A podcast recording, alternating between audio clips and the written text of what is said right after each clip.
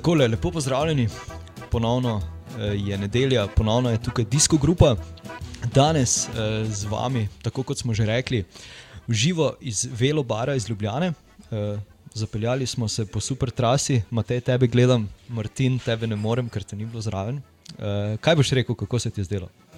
Uh, taka, uh, optimalna, optimalen copyright, um, lepo, zmeren tempo z razmetavanjem na edini klan, to je bil pa Šantjoš, ki ga boste poznali vsi iz okolice Ljubljane. Uh, ja, jaz bom rekel, sem, da sem se tam poskusil razmetati, pa mi ni uspelo, uh, ob moji figuri. In, uh, uh, ja, ne bomo o tem. Um, Martin, zakaj pa tebe ni bilo?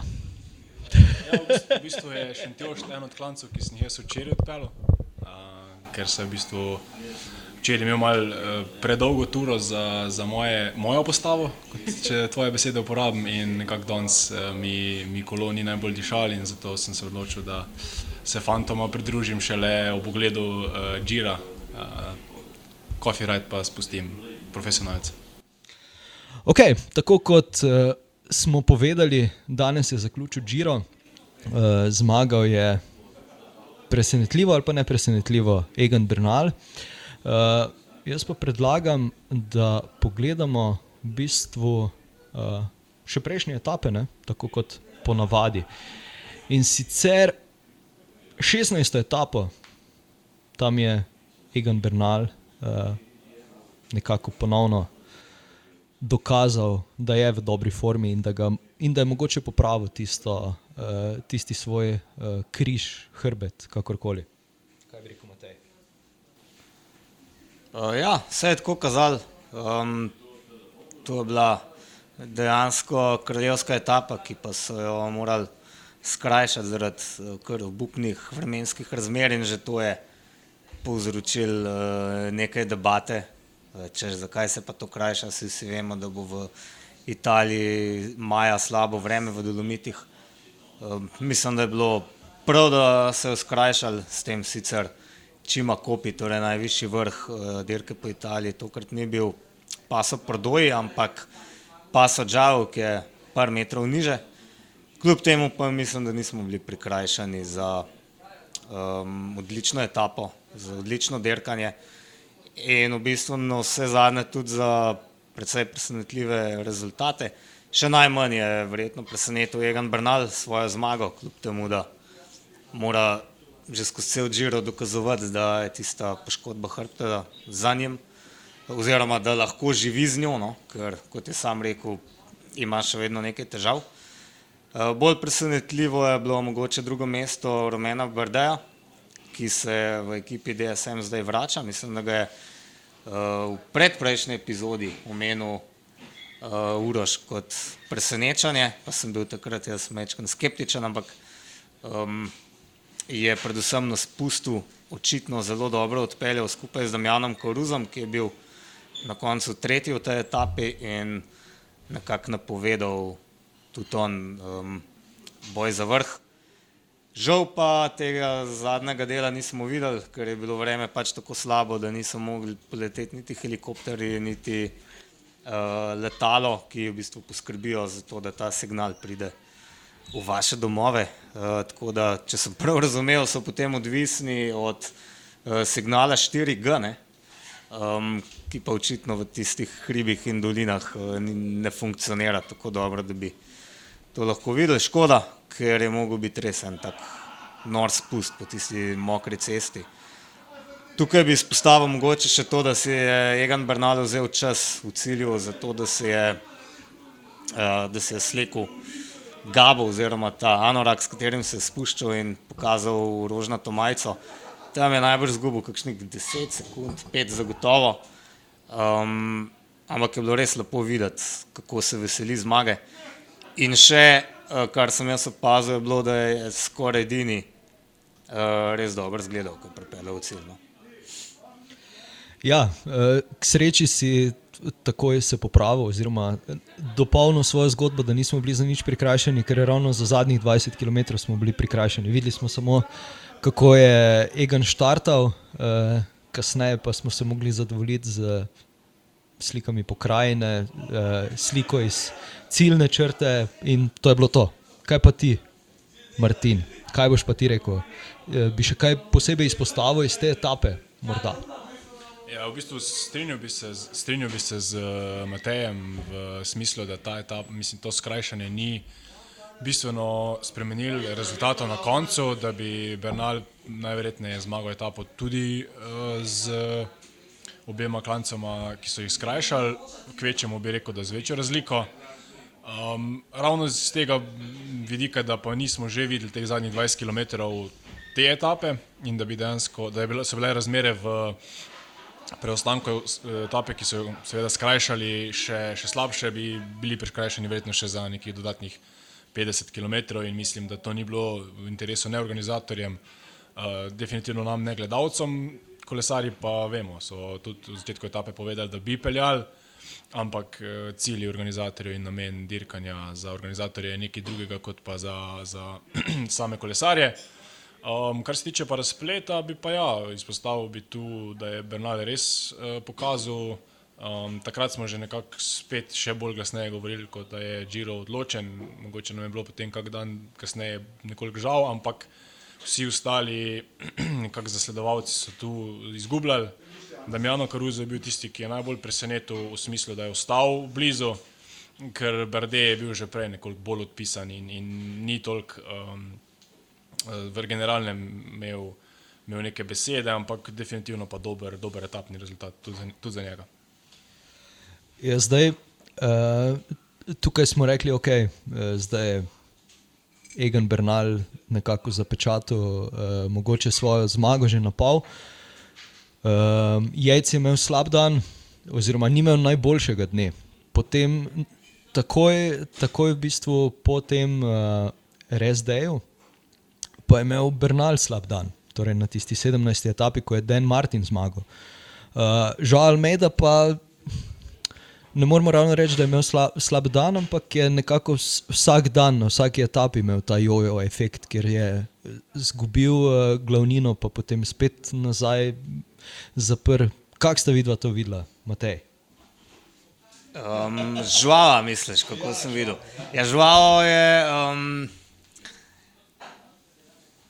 ne vem, ima ta te prebliske odpade, potem se pa kar nekako vrne. Sam ne vem, kako vam to po svoje pokaže, kako velik kolesar je, da se uspe eh, vedno vrniti.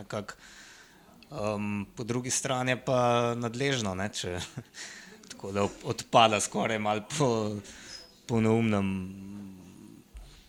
Ne vem, jaz mislim, da se je na koncu, smo videli, potem še v naslednjih dneh odlično odrezal in da je bila mogoče na koncu, da vidimo temu, da smo ga v prejšnji epizodi um, mečkan kritizirali, da je bila v bistvu slaba odločitev Dekoninka, da je sploh se držal zraven Remka. Zdaj, težko si predstavljam, da bi Portugalec, ki je na izhodu iz ekipe, um, lahko soliral ob tem, da je v belgijski ekipi največji belgijski up. Um, verjetno tega belgijska javnost ne bi prav dobro sprejela in vemo, v Belgiji niso tako prijateljsko ali poljudno razpoloženje do svojih kolesarjev, kot so slovenski mediji. Uh, tam se kar pove, včasih dost več, kot bi bilo treba, dost bolj naravnost. Um,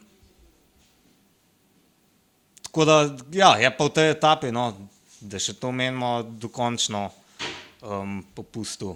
Uh, Remko je Venepol, takrat je postalo jasno, da um, Jaz sem že tako malo razmišljal, da bi mogoče boljše, če bi šel že po tej etapi domov, no? za njega boljš. S tem bi bil sicer prikrajšan za izkušnjo tri tedenske dirke, ampak ta izkušnja je lahko prej slaba kot dobra, če ti ne gre, če se iz dneva v dan matraš. In, um, niti ne bi mogel biti kaj dosti v pomoč uh, Almeidi, ki je od te etape potem spet nekako prevzel um, kapetansko vlogo no, v ekipi. Je zdaj, glede na to, da je Remko takoj na začetku tistega zadnjega ali predzadnjega klanca odpadel, pa potem uspel do vrha zapreti vse mu je dejansko v bistvu mogoče padec eh, preprečil. Sicer, tako kot si sam rekel, da bi bilo bolje, da, da gre iz dirke domov, je potem jo pač silom prilike itak moral zaključiti in oditi domov. Um, pa verjamem, da se mu je pač ob tistem pacu zavrtel njegov padec iz Lombardije uh, pred očmi, vsaj zelo, zelo je spominjal na, na tisti padec, da ni bilo na drugi strani 8-metrske luknje, pa še vsega ostalega, ampak vseeno. Um, Sej sploh ne vem, kaj sem želel povedati. Skočil si v 17. Ja, etapo. Ampak... Vse sem preskočil, vse sem. Ne, sem 17. etapo. A, zdaj govorimo že o 17. etapi. Ja. Um, no, se tukaj mislim, da je treba v 17. etapi najbolj poudariti to, kako vrhunsko je pelil Dan Martin. To je bilo, to je bilo nekaj neverjetnega. Če to je človek um, zmagami na vseh treh Grand Tourih, po novem, dober je na enodnevnih dirkah. Um, in zmagal ni v pobegu, ki bi ga kar pustili, ampak so za njim pač napadali in Almeida je skušal zmagati, ne, je tudi. Um, tako da on je v bistvu dejansko premagal vse. Naredil, tudi on je naredil dirko, on je bil gonilna sila pobega in mogoče ena najlepših zmag no, na, eh, na tem džiru. Eh, se pravi, spet zmaga iz pobega, ne vem, to je bila že deveta, kjera, mislim, da devetič v 17. etapi je zmagal Bežnik. Um, tako da to pa izpostaviti moramo, no, da je imel pa Bernal takrat slab dan, kar mogoče jaz ne bi rekel, da je bil tako zelo slab dan, oziroma slab dan je zagotovo bil, ne po tem smislu, da bi pogorel. Teoretično naj bi imel v treh tednih vsak kakšen slab dan. Tudi si lahko predstavljamo, da v normalnem življenju, kaj se zgodi v treh tednih, da je tudi z levo nogo vstaneš in je to popolnoma normalno. Vprašanje je samo, a slab dan pomeni, da zgubiš 10-15 minut, kot se je že zgodilo recimo jajcu, mislim, da tri leta nazaj, ali pa pač vsem prideš v cilj s tisto slabo minuto zaostanka. Um, mislim, da tudi zahvaljujoč uh, Danielu Martinezu, ki je, ne vem, mogoče bil celo močnejši v nekaterih etapah od svojega kapetana, uh, kar je pač normalno v ekipi, ki ima tako močne kolesarje, ne, da na koncu je lahko kapetan, celo moč, uh, pomočnik celo močnejši od kapetana.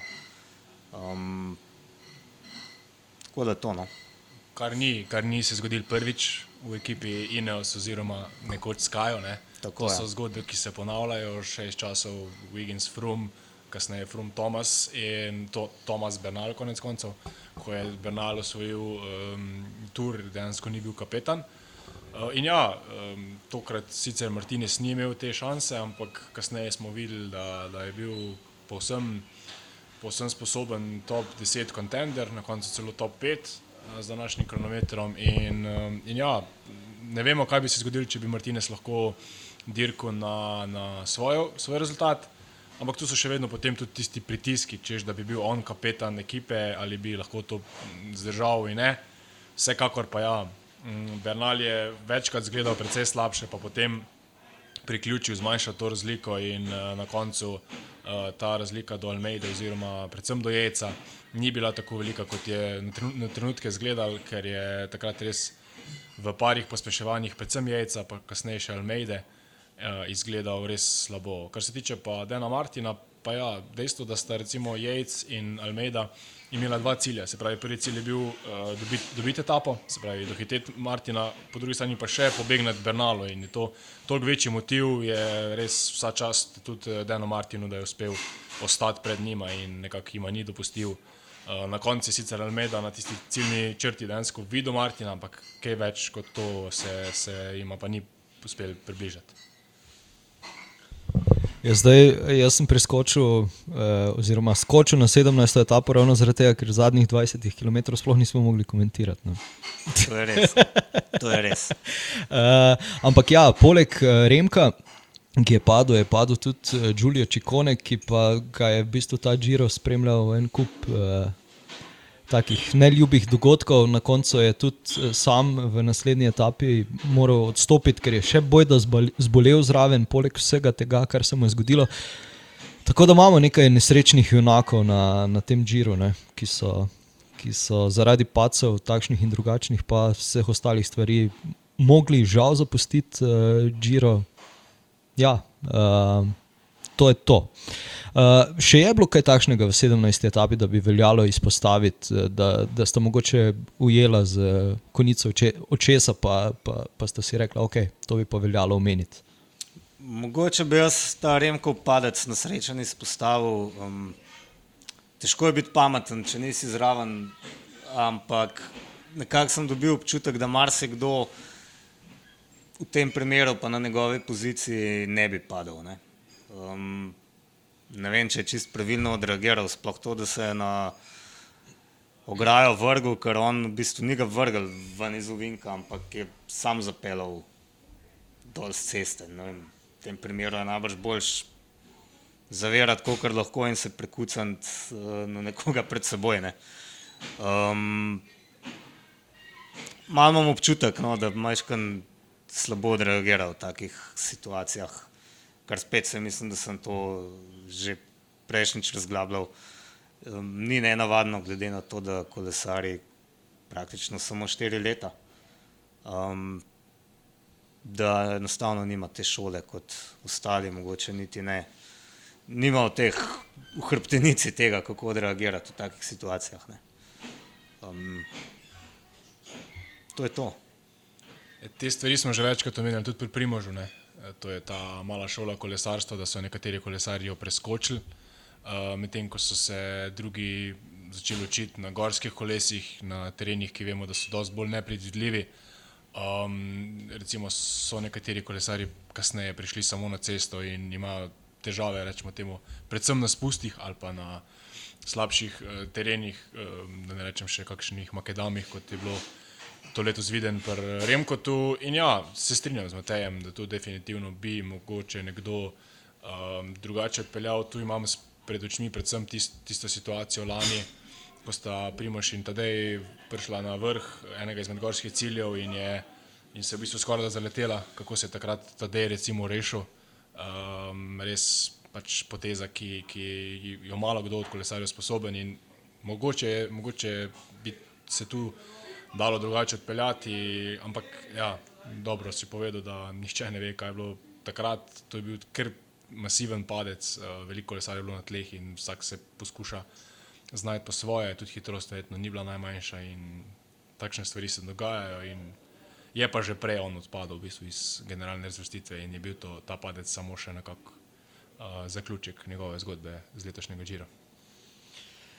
Ja, ni pa štartal 17. etape, tudi ne uh, Viktor Kamprnac, ki je boj, da je imel uh, bolečine v kolenu. Uh, mogoče so, so bile bolečine v kolenu posledica tiste etapne zmage, pa veselja, pa vsega. Ja. uh, okay. uh, gremo na 18. etapo, ali, ali še velja kaj omeniti? Gremo. gremo? Okay. Torej, ja, um, 18. etapa.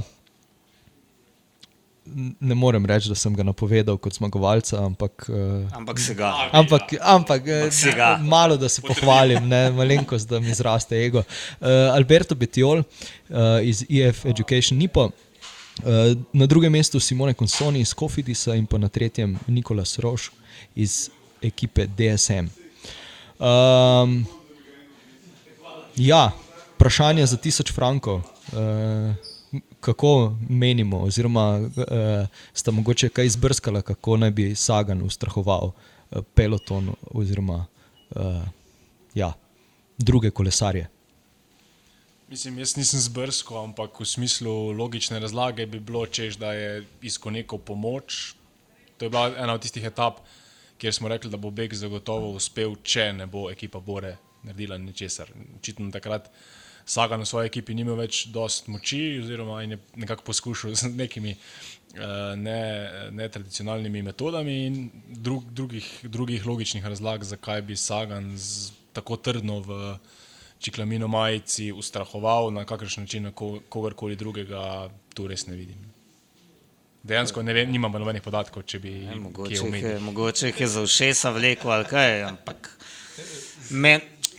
meni me, me, me, se zdelo bolj smešno to, da se potem v izjavah pa na Instagramu hvalil s tem, kako jim je dobro uspelo um, preprečiti, da bi šel v beg kdo od njegovih konkurentov za zmago, da so raje to počeli, kot da bi poskušal zmagati. Ne.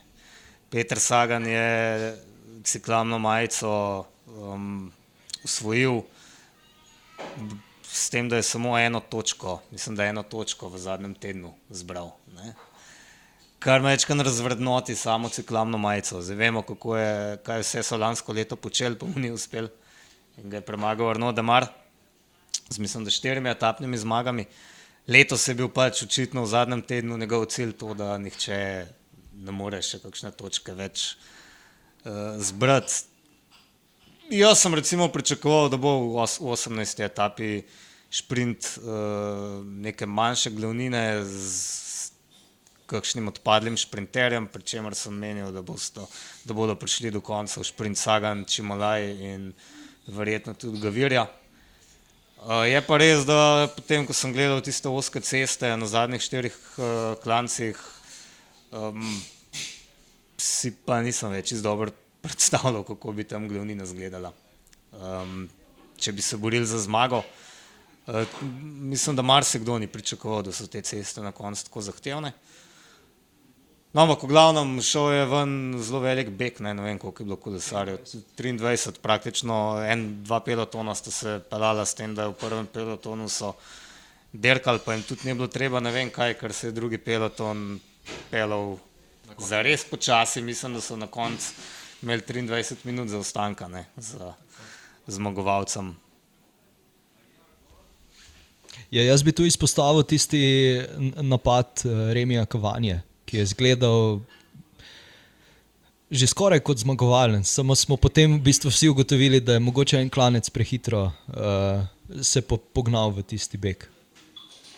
Mislim, ja, ta njegov napad, kar je dobro izgledal na začetku in kot mi Kavanjo poznamo, kot da je kolesar, ki mu ti tereni res ustrezajo in da se da dobro upeljati na čas in tudi v teh poznih begih. Ampak v tistem trenutku, ko je pa mimo njega pripeljal Betjol, je pa Kavanja zgledal, kot da je rekel, dosti imam tega, jaz bom prišel z glavnino v cilj. Glavnina je bila takrat pol ure nekje v zadnji, uh, ker je res odvil, mislim, nis, res nisem še kaj videl tega v etapi s tem zaključkom, se pravi ne čistim klasičnim gorskim zaključkom, da nekdo, ki je v begu, tako odvije kot je kavanja, v tistem trenutku se mi res del, kot da res, kot da bi ga odrezali. In še par sekund preden ga je Betjol ujel, ni, ni bilo ni duha, ne sluha, da bi kaj utresel z nogim, da bi bil v slabem stanju, ampak ko je pa videl Betjola, s kakšno lahkoto je šel mimo njega, se mi je pa zdel, da, oziroma ga je napadel, se mi je pa zdel, kot da je rekel, da smo jaz tega, jaz se, se tega ne grem. Ja, res pa je tudi, da je Nikolas Roč izgledal zelo, zelo dobro. Ja, jaz sem mislil, da, da se pač ga Betijol ne bo mogel tresti uh, tam. Vs- Vsaj potem, uh, ja, pred, tistim, pred tistim klančkom, recimo temu zaključnim. Ja, ampak mislim, da je Betjol kar eh, večino časa bil spredaj, kar pač pomeni, ali je Nikola Sroč blefiral ali pa pač ni blefiral in je mogel, ampak um, verjetno, če bi lahko bi pomagal, glede na to, da je sprejedi bil Remi Kavanja, ki, ja, uh, si rekel Martin, če kdo potem lahko on zmaga s takim norim napadom, ki je videti bil skoraj mal butasto, ampak um, tako res se je zakalkuliral. No? Um, to, da ga, je to, da ga je Alberto Betjol tako ujel in prehitev, je bilo kar noro videti. Zdaj pa Alberto Betjol ni šel tako dobro od Derke po Flandriji, ne. um, sprav že zelo dolgo. Um, letos pa me ne čudi, da si ga izbral za favorita, uh, ker je tudi na klance šel noro. In sem že v prejšnji epizodi hotel izpostaviti, pa sem potem pozabil, kako noro grejo na klance kot pomočniki kolesarji, ki jim tega mogoče niti ne bi pred, pripisal. Že lani recimo Vaut van Ert za Rogliča, leto pa Den Ron Denis, ki je v redu. Bil vedno dober tudi na klancih, letos pa recimo na Džiru Filipo Gana in na vse zadnje Alberto Betjol.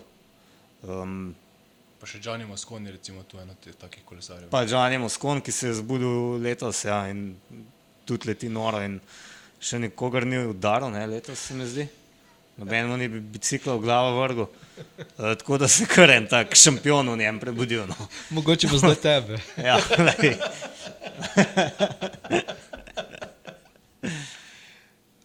Ne, men, meni je bilo predvsem zanimivo, uh, etapo prej je Betjol dobesedno privlekel v cilj uh, Hugh Cartija. In uh, ravno ko smo mi napovedovali interno, kdo bo zmagovalec iz tega bega, um, sem se strinjal, da je dejansko Betjol zagotovo nevaren, ampak sem imel pomisleke, češ, da se je pa mogoče včeraj preveč iztrošil, ker je res dobesedno privlekel na, v cilj na težki etapi svojega kapetana. Uh, tako da je ta njegova zmaga v tej kasnejši etapi še toliko bolj bila več vredna, rečemo temu. In izpostavil bi še po bistvu na drugem mestu Konsonja. Tudi on je veljal, da v takšnih sprintih, kjer pride manjša grupa, eh, zna, zna um, zmagati oziroma zna biti dober. Um, prevečkrat je pa mogoče nekako podrejen, predvsem Eli Vivianiju v tem smislu, da, da ne dobi prostih rok v samem zaključku in tukaj potem iz tiste manjše skupine, ki je prišla za Betjolom, je on uh, pri šprintu tudi uh, Rovša in dejansko prišel do tega, tega drugega mesta, kar spet ni, ni nek eh, zanemrljiv podatek in mislim, da je bil kar zadovoljen po, po tej etapi. Um, čeprav je mogoče na začetku dneva si celo upal, da bo prišel v prvi grupi. Ne. A misliš, da mi bi se lahko peljali v pelotonu v tej etapi? Kako je bilo poprečno, kdo ve? Ja, ne, ne vem, po mojem, da bi se lahko no, zadaj pelali, če bi vzdržali tiste začetne poskuse napadov. ne. Um, pa če bi bili spočiti, pa Pa Če če bi kar- Sagan koga udaril od nas. Ja, se te ne bi, če bi bil priden pa zadaj. Kar bi bil, ne. Mojem se ne bi trudil iti v beg. Ne. ne, lepo jih je bilo videti, kako so šli simpatično, lepo počasi, ker so pač vedeli, kaj jih čaka v naslednji etapi. Ne. Um, ča, koliko je bila ta etapa dolga? 230. Aha, 231 km je bila dolga in mene je to spomnilo na um, lansko etapo, ki je bila tudi tako dolga. Mislim, da je pa bila pa to pred, pred zadnja etapa, se pravi pred zadnjo gorsko etapo, ko so kolesari tudi zaradi dežja in mraza, res so bile obupne razmere, uh, niso hodili niti štartati. In potem je bila cela debata, ali ni to noro, da je ena od zadnjih etap že v že tako napornem tednu, tako dolga. Letos se ni noben pritožil. Namreč zato, ker je bilo lepo vreme. Pa ni bilo Krisa Fruma v pelotonu, da bi se postavil v, na, začel, na Točno, čelo ja. in rekel, dovolj imamo. Točno. Uh, ne, jaz se popravljam, ko sta povedala dolžino, bi ne bi prišel do cilja. No, tam nekje. To je pa res, ja, malo je bila pa dolga, ne, ja, to pa je res. Vče, Ja. včerajšnjih 220 km je dal meni jasno vedeti, da te etape niso za me in uh, vzamem nazaj. No. Do 150 bi še šlo mogoče z njimi, potem pa hvala lepa, fantje, se vidimo na pivu ob uh, zaključku etape. ja, malo je bila dolga, ja, to je res, imaš prav. Zakaj ni bilo Fruman na štartu? Zato, ker je treniral za tur. Uh, ja. uh, na- naredil si super, uh, super nadaljevanje ali pa uvod v 19. etapo, predlagam, da se kar tja pomaknemo, če se strinjate. Absolutno. Absolutno, super. Ja, uh, Simon Yates na prvem mestu, Joao Almeida na drugem mestu, Egan Bernal na tretjem. Um, tukaj smo, oziroma ne, mi ne, mo, mogoče komentatorji na Eurošportu so, so predvidevali, da se bo zgodil kakšen poseben preobrat. Uh, Pa na koncu uh, se ne tako dobro išlo za, za Simona Jajca, oziroma si je najbrž nadejal, da bo odzel večjo, uh, več sekund Eganu Bernalu, kot, uh, kot jih je. Na koncu mislim, da jih je bilo skupaj koliko? 35, nekaj takšnega. Ne, m- m- definitivno nekje med pol minute in minuto, ampak spet podobno kot mislim, da 17. etapa, je Bernal vmes zgledal slabše, kot pa je dejansko na koncu bil njegov izplen. ampak spet uh, zaradi uh, Daniela um, Filipe Martineza je bila ta razlika na koncu manjša, kot bi zagotovo lahko bila. Hkrati pa tako Jejc kot Almeida, ki sta končala etapo na prvem in drugem mestu, nista tipa kolesarjev, ki bi uspela z enim močnim napadom popolnoma zlomiti uh, svojega nasprotnika, kar bi lahko storil mogoče kakšen drug kolesar, tu imamo v mislih predvsem Tadeja.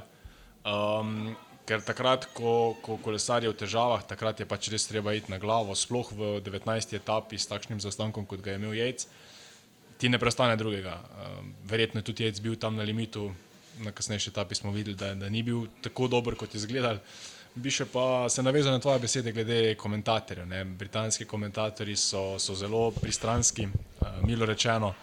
Uh, Hugh Cartija opevajo kot uh, večkratnega zmagovalca Tura, čeprav to ni In tudi pri Jejcu je bilo to, ne, da nekdo, ki zaostaja okrog 3 minute v generalni razvrstitvi, pridobi nekje 20 do 30 sekund in ga ti že vidiš, kot ja, res mogoče pa lahko jutri dobi to nazaj in potem še na kronometru.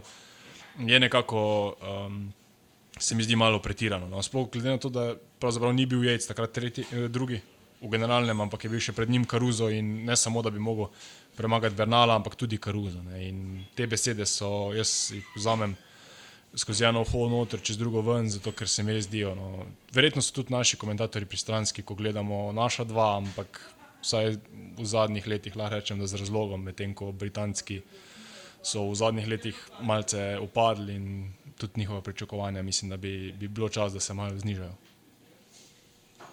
Um, ja. Zdaj, Egan Bernal,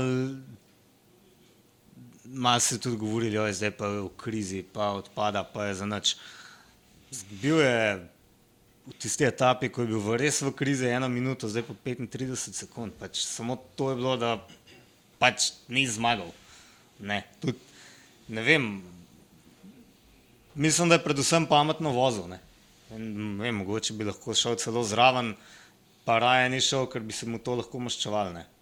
Um, pač pametno je, je odpeljal, omejil škodo, vedel je, da ima dovolj prednosti in se pripeljal v cilj, ne da bi se totalno razmetaval. Ne. Nekako varno je šel do cilja in 35 sekund. Zdaj sem gledal, kaj on je v zadnjem tednu, odkar je kao imel krizo, je bil kaj še drugi, pa se sedmi, pa tretji. Mislim, skozi je bil v spredju, nikoli ni zgubil. Je pa res, da ima odličnega pomočnika. Um, takrat, ko je, ker tam je všeč bila ta, um, ta temperament latinoameriški, ko se je drl na njega, pa je upil tam pred njim v tej etapi, kjer je Bernal res imel krizo. Tam se je videl, da sta pač prijatelja, da skupaj držita in da ne gre samo za to, da upravlja svojo službo in se pred njim pele, ampak da ga dejansko spodbuja. Um, tako da meni se Bernal nikdar ni zdel zelo zlomljiv, ne glede na to, da se pač zav, vsi najbolj zavedamo, da lahko se vsak zlom v zadnjih treh dneh in faše 15 minut ne, ali pa 20. Uh, to se mu ni zgodilo, še niti blizu ni bilo temu. Ne. Pa so poskušali. Um, se je napadal, se je diktiral tempo že daleč prej, ampak enostavno so vedno dobro odreagirali, tudi v, kamor bomo šli najbrž v kratkem, v 20. etapi, eh, ki je bila mogoče še najbolj zapletena in kritična. Ne. Ja, definitivno. Zdaj, eh, kaj sem še želel jaz tukaj izpostaviti, je to, da se je pač žal medij uh, ponovno izmuznila etapna zmaga, s katero bi mogoče še bolj prepričal uh, uh, kakšnega bodočega delodajalca, da se, da se odloči za njega. Um, drugače pa, ja, mogoče res uh, je bila na, najbolj zanimiva, pa. Um, Ja, najbolj zanimiva, no bom tako rekel, ta le 20. včerajšnja etapa. Um, razen, če še imaš ti, Martin, kaj za dodati, glede 19. Ne, v bistvu tu, tu je bilo, mislim, da dovolj povedanega. Ja, poleg tega, da se je žval medij, izmuznila ta, pa se je konec koncev tudi ekipi Quickstep. Eh, ne, nekako GC je bil odpisan, etapne zmage še niso imeli in zagotovo je bilo to tudi nekje v mislih žval Almeide. Um, ja, in tu mu dejansko to ni uspelo, tako da je bil to nekako grenak prikus, čeprav se je potem kasneje. Kar se tiče pa Bernala, bi pa samo to še rekel, da se mi zdi, da je bil bolj v prvih dveh tednih superioren, kot pa v tretjem tednu slab. Da dejansko prva dva tedna devo toliko boljši vtis, da potem, kot, ko pa v tretjem tednu ni bil glih uh, super Bernal, so pa vsi že rekli, zdaj pa v težavah. Tako kot je Matej rekel, te razlike, ki jih je on uh, počasi uh, dobival, niso bile kritične in on sam se je zavedal, vozil je res na tempo. Nikoli ni poskušal na glavo pokrivati teh napadov in to se mu je na koncu brestoval. In uh, tudi kasneje, tudi danes smo videli, da je prešparil dost moči, da je rutinirano odpeljal kronometer in, in to je bilo to. Ja, um, 20. etapa, Damjano Karuzo uh, je zmagal, Egan Bernal je prišel na drugem mestu v cilj. In pa na tretjem Daniel Felipe Martinez, torej njegov pomočnik, ki smo ga že omenili uh, večkrat. In ravno včeraj se je v tistih zadnjih uh, sedmih kilometrih, uh, mislim, mene je presenetilo, da je kljub temu uspel priti na, na tretje mesto. Bom tako rekel. No. Ja, začel se je v bistvu ta norišnica, včerajšnje etape se je začela z napadom DSM-a na spustu. Ne, torej spet so na spustu se poklali uh, in tisti izgledali dost tako neobetavno, mislim, kaj pa delate, na spustu skačete. Uh, spredaj so bili, se pravi, Mihael, spredaj je bil Hamilton, uh, ki je res upalil na tistem spustu, serpentinostem, uh, z njim pa še Mihael Štorer, ne? Pa uh, seveda Roman Brde. In najbrž res ne bi prišli prav daleč, če uh, ne bi uh, ravno na ravnini se priključili uh, v bežni skupini, ki je bila zelo zanimivo sestavljena, in če ne bi potem zraven prišla še uh, Pejo Bilbao, ki je odličen spostaš in je seboj potegnil še uh, Damjana Koruza. In na lepem je bila spredaj ena taka kar čedna grupca, um, v kateri je bil uh, Fervake, ki je mislim, da bil lani um, v, enak, v isti ekipi kot um, Brde, se pravi, v, um, ne, bil isti. To me pa ne zdaj za besedo držati. Uh, zagotovo pa sta zelo dobra prijatelja Damjano Caruso in uh, Giovanni Visconti. In tam je Giovanni Visconti kar nekaj časa narekoval tempo, pomagal v bistvu Caruso. In lepem je bila zadaj panika, ne, kot da ni bilo to dovolj. Smo ugotovili, da se uh, Daniel Martinez spušča pač slabo. Uh, odpadel je in potem na lepem smo videli uh, spredaj Jonatana Kastroveha uh, iz Ineosa, da je v enem lovil tiste, ki so ušli, pa v enem čakal uh, Martineza, ker niso hoteli pustiti samega Bernala. Ne. Tako zoprna zadeva, tam je prednost narasla na, kot smo videli, neulovljivo in, um, in fertik. Ne.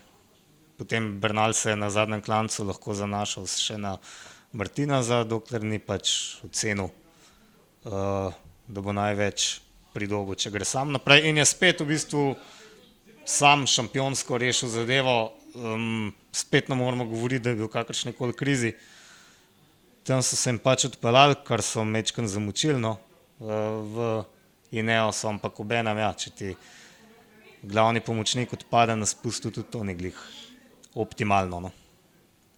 Um, in pa potem, ja, na zadnjem klancu je Karuzo, ko je Bilbao, od, ko je Bilbao popustil, tako brutalno pospešil, da ne vem, kar mal preveč se mi je zdel. Pospešek je bil nori in potem je enostavno se utresel Brdeja in enostavno zmagal. Njegova prva zmaga World Tour, ne samo na Grand Tour, ampak sploh prva zmaga World Tour in šele tretja v karieri. Pri 33 letih, ko se je najbolj zavestno odločil, no, da bo on predvsem delal kot pomočnik, letos pa priložnost pač zagrabil z obema rokama. Ne. Ja, to, ta etapa je meni bila res ekipno všeč. Ne. Ta prva poteza ekipe DSM in kasneje še Bahrajna. Um, res so, so nekako z ekipno akcijo uspeli zbežati uh, pelotonu in tudi uloviti beg, kar ni. Um, kar ni nekako navadi, in potem še ekipna reakcija Ineosa, ko so poslali v bistvu dva kolesarja na čelo z Gano, da pripelje nazaj Daniela Filipeja Martineza. Takrat se je res videl, koliko on pomeni Bernalu oziroma ekipi Ineos in to je bil res tisti znak, ok, bomo žrtvovali dva pomočnika, zato da pripeljemo nazaj enega. Takrat je, je bilo dokončno jasno, če že ne prej, da je dejansko Martinez, da se zavedajo v Ineosu, koliko dela upravi. Um, kar se tiče pa potem, še eno res športno potezo bi izpostavil, ko si omenil pospeševanje, ko je odpadel Bilbao, to, to potrpljanje po hrbtu. Veliko vidimo, da se, da se kolesarji v cilju zahvalijo pomočnikom, ki so bili na koncu z njimi, uh, Karuza je to izkoristil že v, med samo dirko, na sam klanc, med res brutalnim pospeševanjem. Kak je imel to čas narediti, ne vem, in pa ja, zaključek pa potem uh, fenomenalen in uh, res sem oprovošil. Pred, pred snemanjem smo se pogovarjali, kaj bi ekipa Bahrajna lahko dobila z Lando. Vsi smo bili mnenja, da dvomimo, da bi bil tako visoko, čeprav je bil res v dobri formi. In uh, potem, ko so izgubili uh, glavnega kapetana in še v bistvu tri uh, zelo dobre kolesarje, so dobili dve etapni zmagi, uh, top tri, se pravi stopničke na, na Grand Touru in res. Um, Velikrat smo v zadnjih letih kritizirali to ekipo, ampak letos mislim, da so se kar, kar dobro odrezali. Tudi to trpljanje po hrbtu, mogoče ravno zato bil tako zadovoljen, ker je tudi sam pomočnik in ve, koliko to nekomu pomeni, um, da se nekdo res pregrizne za te. Ne? Ja, eh, to trpljanje po rami, da se še jaz na to navežem, eh, se mi zdi, da, se, da je Karuzo kar razkazoval svojo širino handlanja kolesa Eh, tudi s tistim oblačenjem. Prvo si je slekel, kaj je že, brez rokavnik, uh, mislim pač, pa, pa si potem oblekel, uh, oblekel uh, Gabo, torej tole z dolgimi rokavi. Tudi tam se je videlo, da je super bike handler, pa tudi to trepljanje po rami, verjamem, da marsikdo od ostalih kolesarjev v pelotonu, ne bom rekel za nalašč nas, ampak ostalih, ki mogoče niso tako dobri bike handleri, ne bi tega ne bi bil tega zmožen, se mi zdi. No. Uh, bom samo tako rekel. Uh, drugače pa, predvsem zanimivo, uh, da se je Bahrajn, tako kot si rekel, kljub temu, da je izgubil nekaj kolesarjev, vseeno lotil tega, tega, bom rekel, napada uh, ali, pa, ali pa da je poskušal, zaradi tega, ker lahko bi pač. Mirno sedel v pelotonu, bil zapečaten na drugem mestu, uh, ampak je bila to kar pogumna in atraktivna poteza. No. Vsaj, vsaj, če pogledamo na, na mogoče kakšne druge ekipe, ki se pač tega enostavno ne bi lotile, ampak bi, ampak bi stoično pač čakale, kaj se, kaj se bo, če, če se bo kaj zgodilo, če bo kakšna mogoče priložnost, da bo kdo skočil, pa se, prid, pa se pridružijo zna, zraven.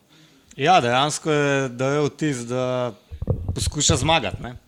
Sicer mislim, da je bolj si hotel zagotoviti uh, drugo mesto, ker je le Bernal bil predvsem neulovljiv, blizu za njim pa jajc, da predvsem to poskušal. Me pa zanima, uh, kdaj so se v bistvu za ta napad odločili. Ne? Mislim, da se je to zgodilo bolj na cesti. Ne? Ajde, dajmo probati spred, da jih imamo. Nekdo je mogel oceniti, da bi bilo to simpatično, glede na uh, situacijo v spredju, ki sem jo prej razložil, in um, so se pač pravilno odločili. Um, je pa ja, predvsem to bilo všečno, da je dirkal praktično tako, kot da želi zmagati. Tako kot smo pričakovali od Simona Jajca, um, mogoče celo od Vlasova, um, mogoče od Kartija, predvsem od Almeide. Nekako se je špekuliralo, da bosta Almeida in Jajc sklenila kakšen pakt, pa skupaj poskusila, ampak se je na koncu izkazalo, da in Jajc je to tudi priznal, da nista imela nokne. Jajc je zase priznal, da ni imel nok, ni šlo in to je to on ima ta nihanja, ki nikoli nam ga res, kdo stavi, verjetno ne bo nam ga stavil. Ker, Pla, planeti in zvezde se morajo poklopiti. Ja, mislim, da mora biti tudi lepo vreme, no, zan, da sem to nekako dobil občutek. Ja, Almeida in Jec sta poskušala, ne moramo, ne moramo jim reči, da sta bila dolgočasna kolesarja, ampak enostavno tudi, tudi jaz bi se strinjal z to, to da nista imela nog enostavno za, za Bernala. Kar se tiče pa Karuza, pa mislim, da je tu šel bolj na etapno zmago. Ker vemo, v, v ozadju je imel, mislim, zadnji dan je imel še kronometer, tu ni bilo nevarno, da bi ga verjetno jajc prehitev. In mislim, da je šel tu predvsem po zmago. Hkrati je vedel, da okay, če bom še dobil nekaj časa proti Bernalu, super. Ampak mislim, da ni imel v prvih mislih, da okay, gremo na Bernala napadati, ampak da imamo proba dobiti etapo. Uh, hkrati pa potem zadnji dan na kronometru videti, uh, kaj bo. In, ja, spravi, res presenetil, lahko rečemo, mislim, da se vsi strinjamo, kot prvi, prvi, um, prvo presenečenje tega Džira. In res dobro je peljal, konstanten je bil, nikoli ni uh, povsem po goru in uh, zanesljivo in zasluženo je tam, kjer je danes končal. Zdaj zelo hvalimo Karuza, ampak v bistvu enake namene je imel um, Roman Brdene, svojo ekipo, popolnoma enake. Samo da pač na koncu imel nog, da bi, ja, hvalimo tizga, da bi zdržal. Ne. Ja, hvalimo pa seveda tistega, ki mu je uspel. Klede imamo prve tri napisane na zaslonu in njega ni vmes. Žal je pa vmes recimo Daniel Martinez. Ne. On pa je bil tretji. Ja, no. Njega smo danes že dosti pohvalili. Ja, razen da se nas zna spuščati. Ne. Jaz se želim že celo, celo epizodo, kar snemamo, spomniti eh, kolesarja, da stane, ki se je grozno spuščal. Zdaj pa ne vem, lani na turu ali, ali kje. Ne, Lopes, ki se je zaletel. Ne, ne Lopes. Pismo je, da se ne bom spomnil. Misliš, grozno slabo? Grozno slabo, ja, grozno slabo. Ja, dej, če se ne spomniš, kaj če imaš? Ja, po enem etapi prej mislim, da se je Gorka iz Egire skoraj zaletel v parkiran avto. V 19. etapi mislim, da je bilo to. Ja, sam, ja, ampak on je zelo dober bike handler in to ja. je dokazal. Ne? Ja. Zdaj pa ne vem, uh, vlasov se dobro spušča. Poprečno bi se rekel. Letos je Astana se zelo dobro spuščala, glede na par, par, par, par napadov so izvedli pravzaprav na spustu. Da, da bi zdaj enega kolesarja iz Astane upal izpostaviti, Fugl Sank mogoče. O, on se dobro spušča. Ja, on, on bi tudi rekel, da, da nima, nima teh, teh, teh, toliko teh težav kot kdo drug. No. Ne bom se spomnil. Glej, če ne veš, ja. začni. Ja, sej, sej. Po nekom, ne moreš prsti na njega. Ok. Um, vem, kdo danes ni dobro zvozil Vinka. Uh, 21. etapa, torej zaključni kronometer. Presenetljiv zmagovalec, niti ne, uh, Filipo Gana, na drugem mestu Kavanja, na tretjem Afini iz Jumbo Visme. Uh, ja, tukaj sem izpostavil Kavanjo, ki je res, uh, kaj bi temu rekli, zgrešil ovinek, se preveč zanašal na, na ljudi v avtomobilu, na direktorje, ki jim sporočajo, kaj morajo narediti. Um, ne vem, kaj je šlo tam na robe, ti si bil res grozen. On pač enostavno ni videl Vinka in ker ga ni videl, je pa potem res šlo vse na robe. Ja.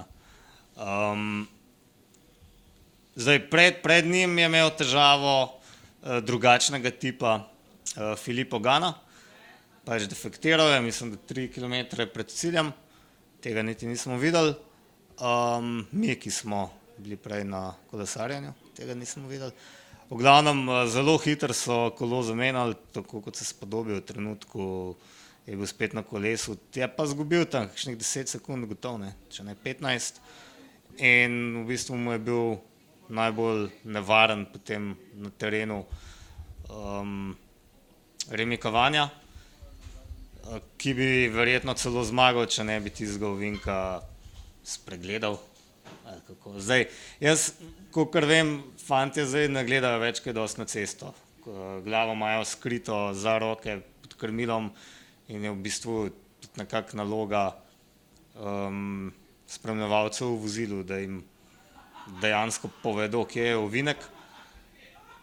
Je pa res, da bi ta ovink najbrž moral poznati iz ogleda proge in vedeti, da tam nekje je. Ne. On je bil postavljen popolnoma na robe, na levi strani, na nas na desni in pač samo naravnost tudi pelal, imel v bistvu še srečo, da ni poletel čez ograjo.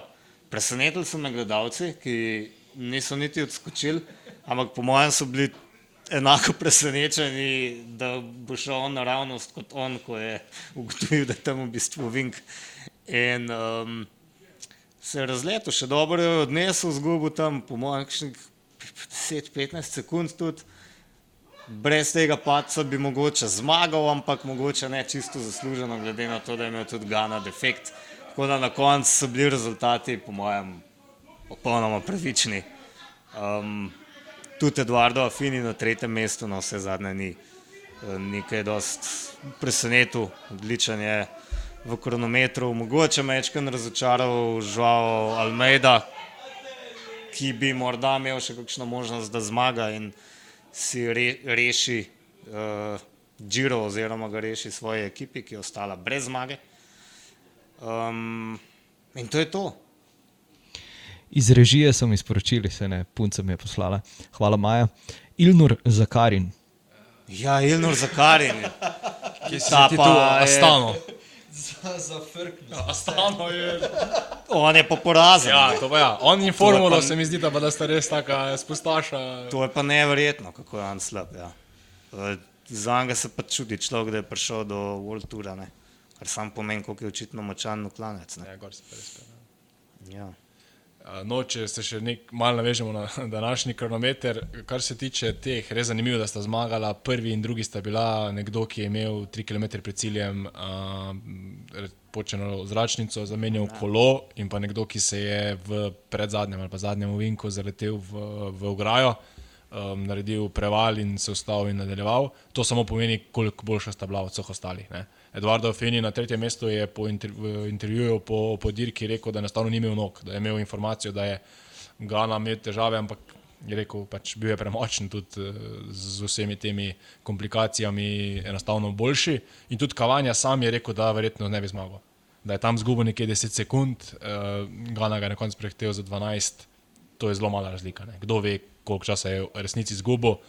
Uh, ampak ja, tako imate rekel, uh, Uvinek je vzel popolnoma na robe. Kot da res levi, Uvinek v levo je popolnoma po levi strani začel peljati, ko je to uvidel, je poskušal spremeniti, ampak vemo, na kolesu je te nagle spremembe zelo težko delati in uh, kolo je šlo popolnoma naravnost. Um, In je imel sam srečo, da ni šel preko, da je glih tako dovolj visoka bila, da, ni, da, ga ni, da ga ni prevrnil, ali so ga mogoče ljudje ustavili, to pa, to pa nisem bil pozoren. No. Ampak res, vid- ostal je na, na, na cesti, uh, hiter se pobral in nadaljeval. Uh, tu bi bilo treba še pa izpostaviti Jana. Uh, tudi Jan je danes uh, dobro odpeljal, lahko rečemo, zelo, zelo solidno končal v deseterici na osmem mestu če se ne motim. Uh, in, um, in ja, čestitke tudi njemu za odličen od, odpeljan uh, Giro. Um, drugo, drugo, mesto, drugo mesto na etapi bil je dober pomočnik Damjano Karuzu in uh, še enkrat več je dokazal, da je res kolesar, ki, na katerega se lahko kapetani zanesejo, hkrati pa na kronometrih uh, pokazal, da se, da se zna pelati. Pozabili smo omeniti uh, Mateja Sobrera na četrtem mestu, kolesar Astane Premier teka, uh, ki je bil četrti kljub temu, da ga je skoraj uh, zbil spremljevalni avto. Katere ekipe? Grupame FDŽ. Um, on je lih ujel enega njihovega kolesarja in v desnem zavoju ne, eh, je šel po levi strani avta in tam je spet voznik spal očitno in ga skoraj Klasično italijansko prehitev. klasično italijansko prehiteval in tudi Sobrero je klasično italijansko si vzel še toliko časa, da je udaril po avtu z roko. Um, potem sem prišel do četrtega mesta zaostal za drugim mestom, mislim, da nekaj dve, tri sekunde. Ja, mislim celo manj kot dve sekundi. Sekunde Ne, še- manj kot dve sekundi, se pravi, brez tega incidenta eh, bi mogoče bil celo drugi in mislim, da je to kar uvrstitev karijere za njega. Um, se pravi, drugi tak incident, hud za oti, da smo ga videli na Džiru. In tvoj dober komentar, da ta voznik zihar jutri ne bo smel štartati. No? Ja, voznik jutri ne sme štartati uh, Džira, tako da uh, kazen mislim, da je pravična. Ne? Uh, jaz sem prej pozabil reči, uh, ko si omenil uh, Petra Sagana in ciklamno majico, da so mu pa zelo lepo pobarvali kolo. Ne, kolo, kaj, kronometrsko. Ne. Aha, ja. Ne, ja, zdaj sem jaz. Uh, ja, to pa sem nazaj videl, ja, lepo, z- diskretno, diskretno pobarvano kolo. eh, Lahko ta ciklamna barva mogoče ni najprijetnejša na pogled. Saj tudi, tudi rožnata mogoče ni, ampak smo se navadili, ker uh, ciklamna pa ja, um, simpatično, no, pobarvan, res.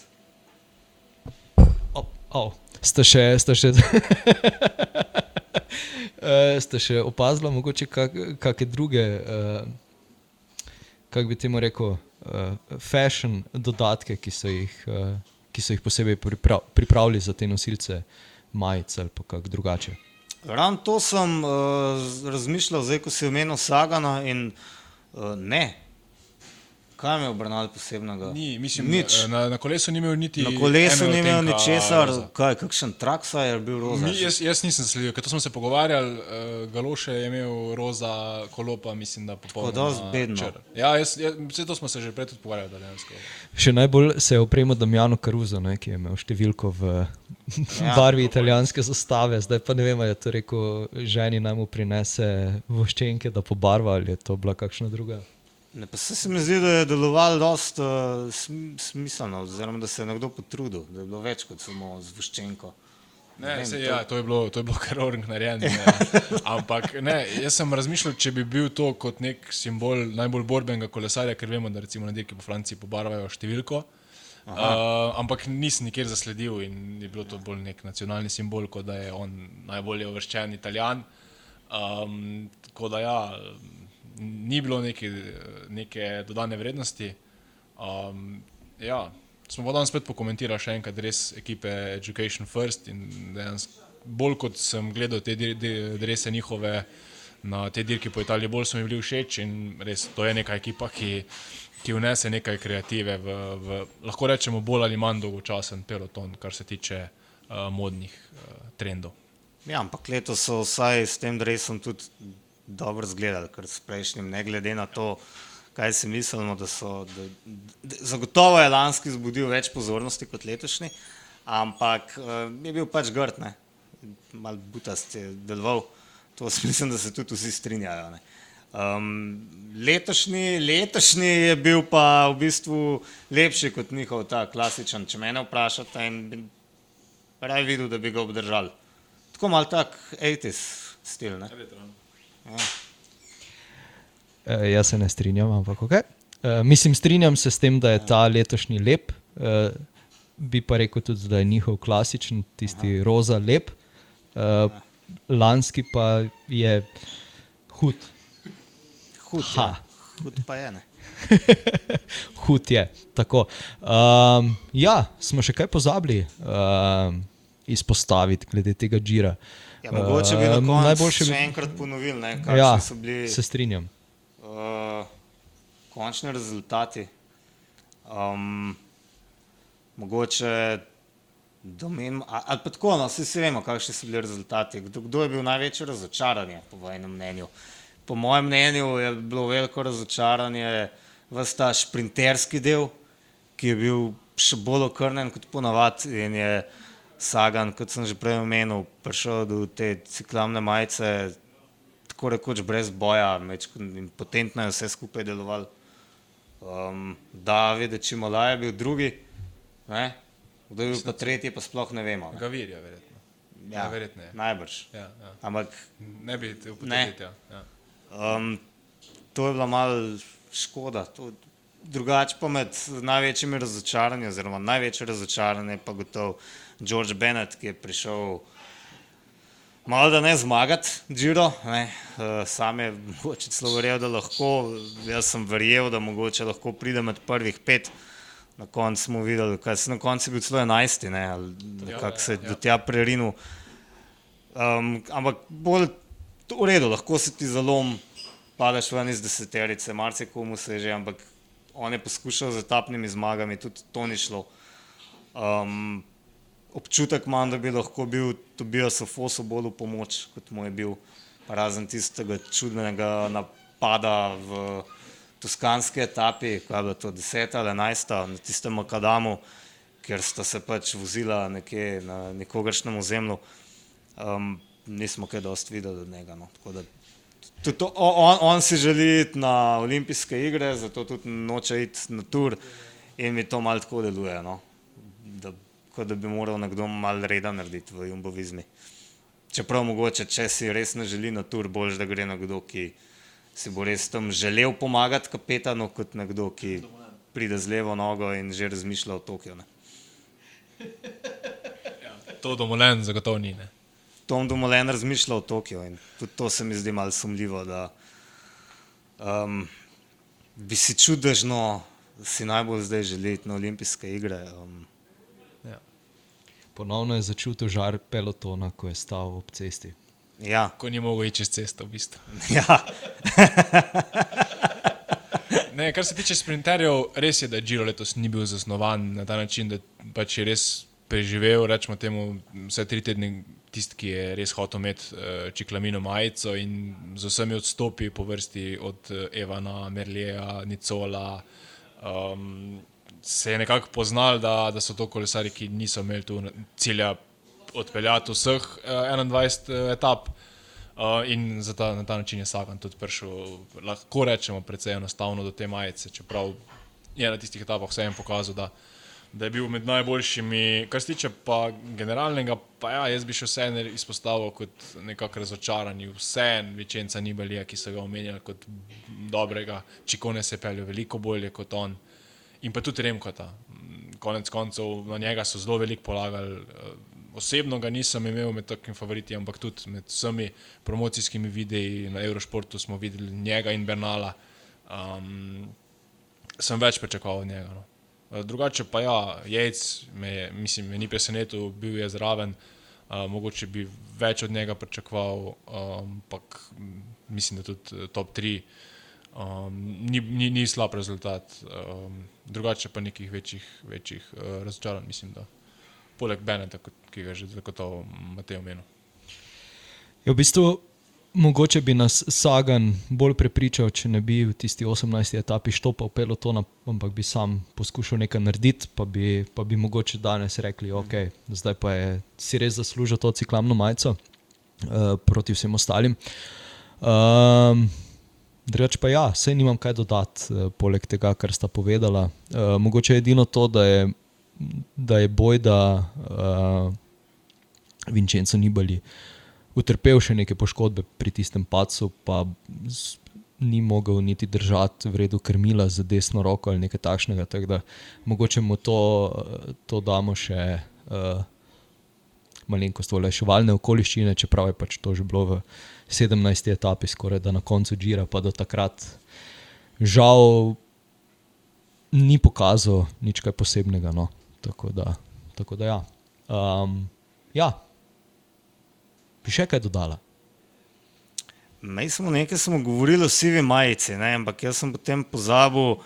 Uh, pozabil sem, smo rekli, da jo dobi starejši od 35 let ali starejši od, tri, starejši od 35. Ne? Ja.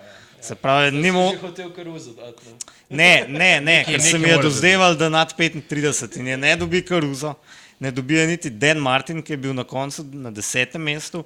In zdaj sploh ne najdem, kdo je 35 let tukaj star. Ne. Master, master C te kategorije ni na Giro. Ja, ni, ampak recimo, da jo podelimo 35-letniku, ampak 35-letnika ni bilo niti v 20-terici. ne. Nibali je star 36 let in neverjetno osvojil je sivo majico, ne, po mojih podatkih eh, je osvojil sivo majico. Vincenzo, javi se nam na mail, uh, greva na coffeeright.com, pa ti bomo poslali eh, sivo majico, ki si, si jo ravno kar prislužil. Matej Gener- pa jo bo sešil. Generalno na 48, uh, na 18. mestu z ostankom ure 3 minut in 59 sekund. Eh, Čestitamo. To bo na etiketi pisalo. In ne vem, mislim, vse je tudi pri 36 letih, da se zraven teh norcev vozijo, je kar, um, mislim, da hvale vredno. No? Definitivno. Ne, ne zagotovo. Mislim, v smislu eh, razočaranja ne, ne eh, kot rezultat, ampak to, da so ga še vedno imeli Italijani za, za največjega, mislim, naj, največjega favorita, ampak kot da še lahko zmaga Grand Tour in to v tem smislu bo razočaranje. Zagotovo pa pri 36 uh, letih to, kar je pokazal, bil je viden, ni tako zelo katastrofalno. Ja, uh, Blaž, kot vidiš, uh, nam manjkajo še tvoji komentarji, zaradi tega, ker smo danes presenetljivo v dobri uri obdelali en teden žira. Pa moramo enega od nas skenslati.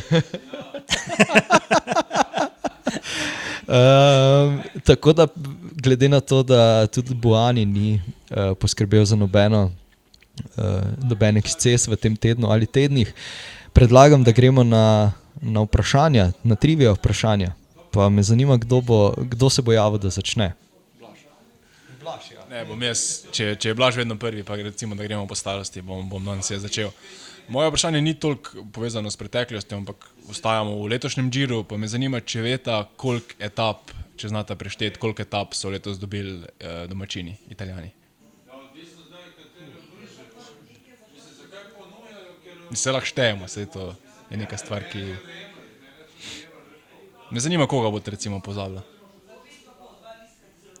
No, ne bomo pozabili, da je uh, Filippo Gana dobil dve. Drži. Ne bomo pozabili, da je uh, Lorenzo Fortunato zmagal Monte Cancolan. Ne bomo pozabili, da je Damiano Caruso zmagal prvič pri 33 letih. Alberto Betiol je peti, tako. Četrti je, on je dobil dve, ampak peta pardon, etapa, ja.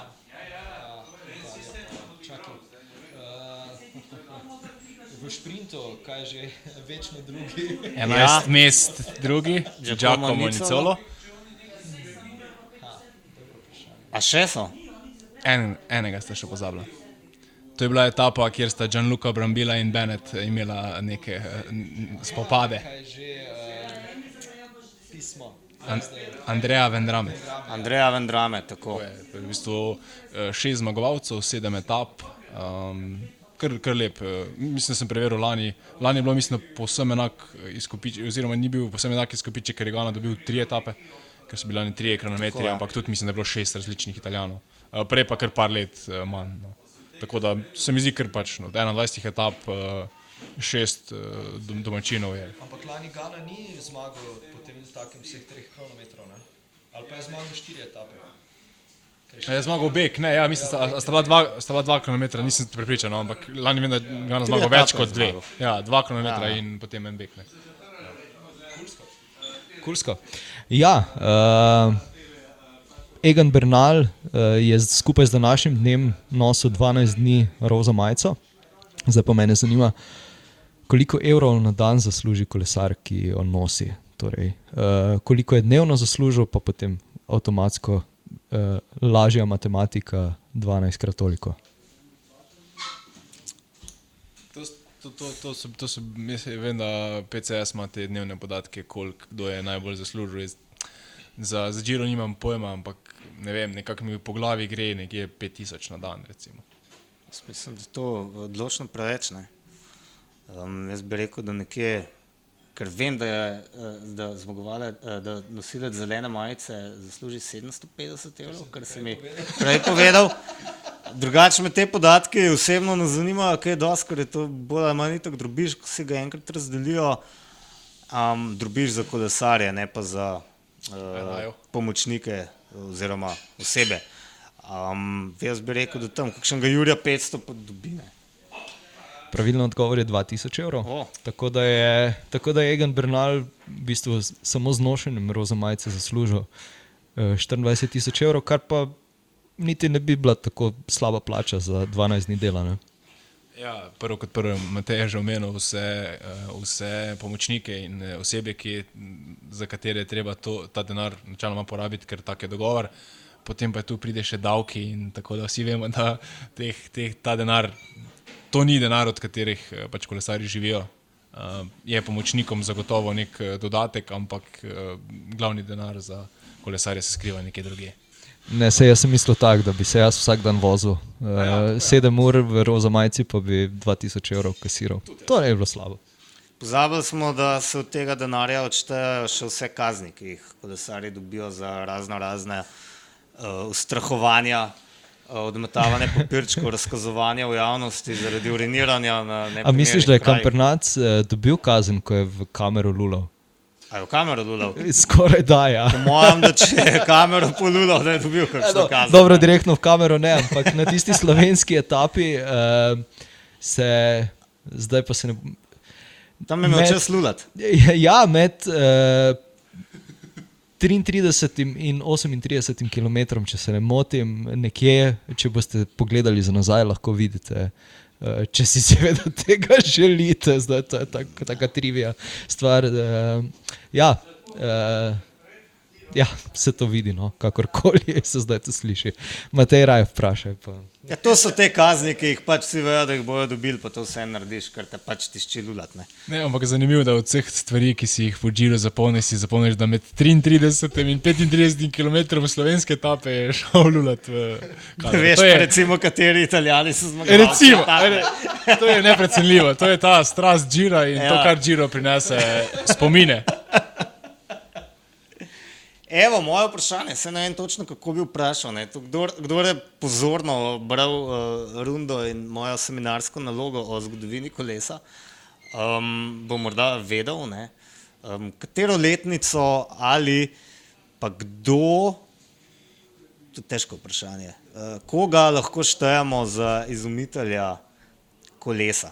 Ker glede na to, da skoraj vsi vemo, kdo je izumitelj avta, ne, bi se spodobili, da vemo tudi, kdo je izumitelj kolesa, ampak je žal manj znan. A niste vsi meni govorili, da postavljam vprašanja preveč v, v zgodovino?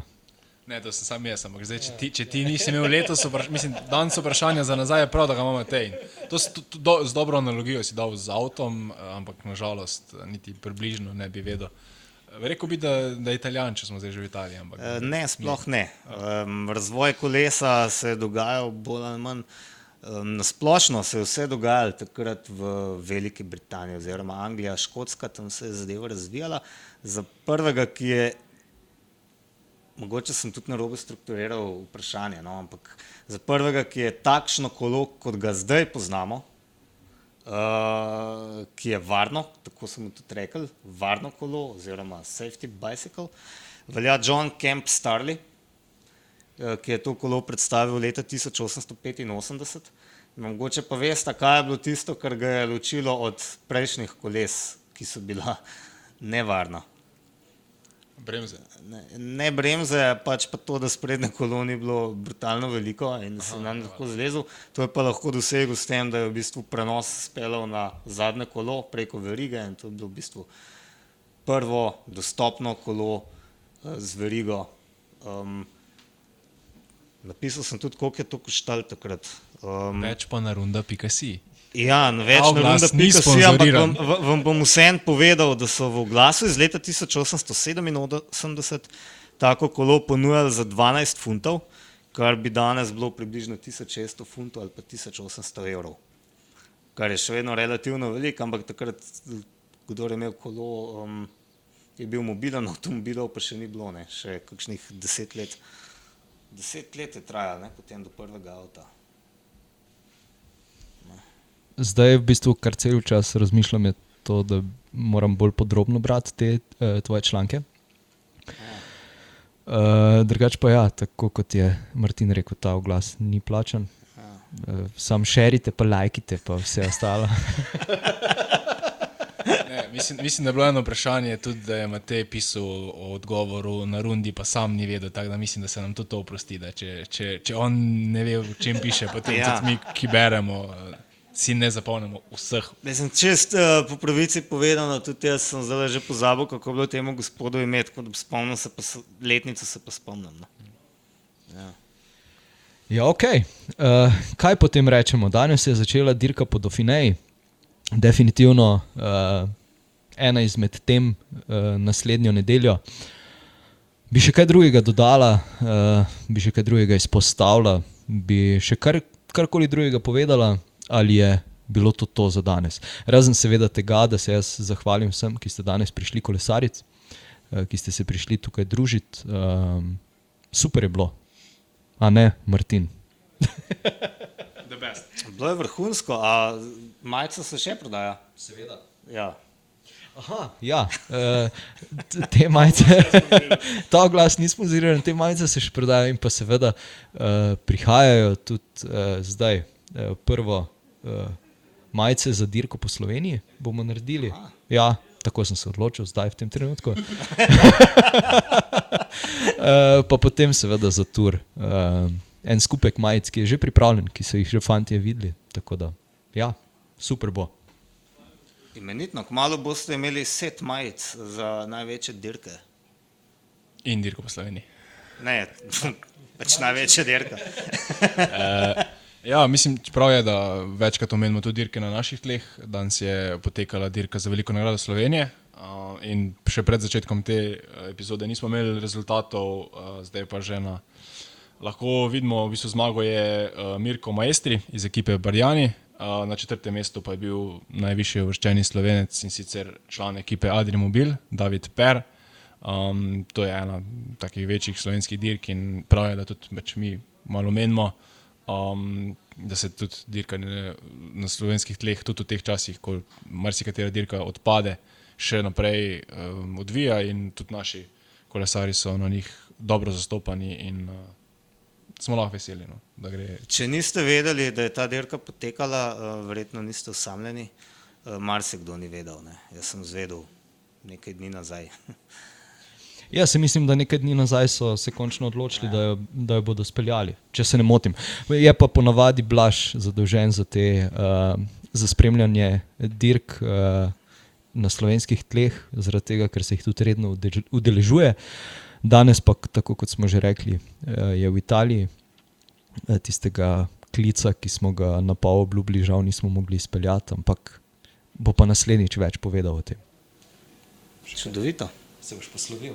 Um, želim vam uh, uspešen teden, uh, ki bo menda bolj sončen, kot je bil pretekli in preteklih, uh, pretekli mesec.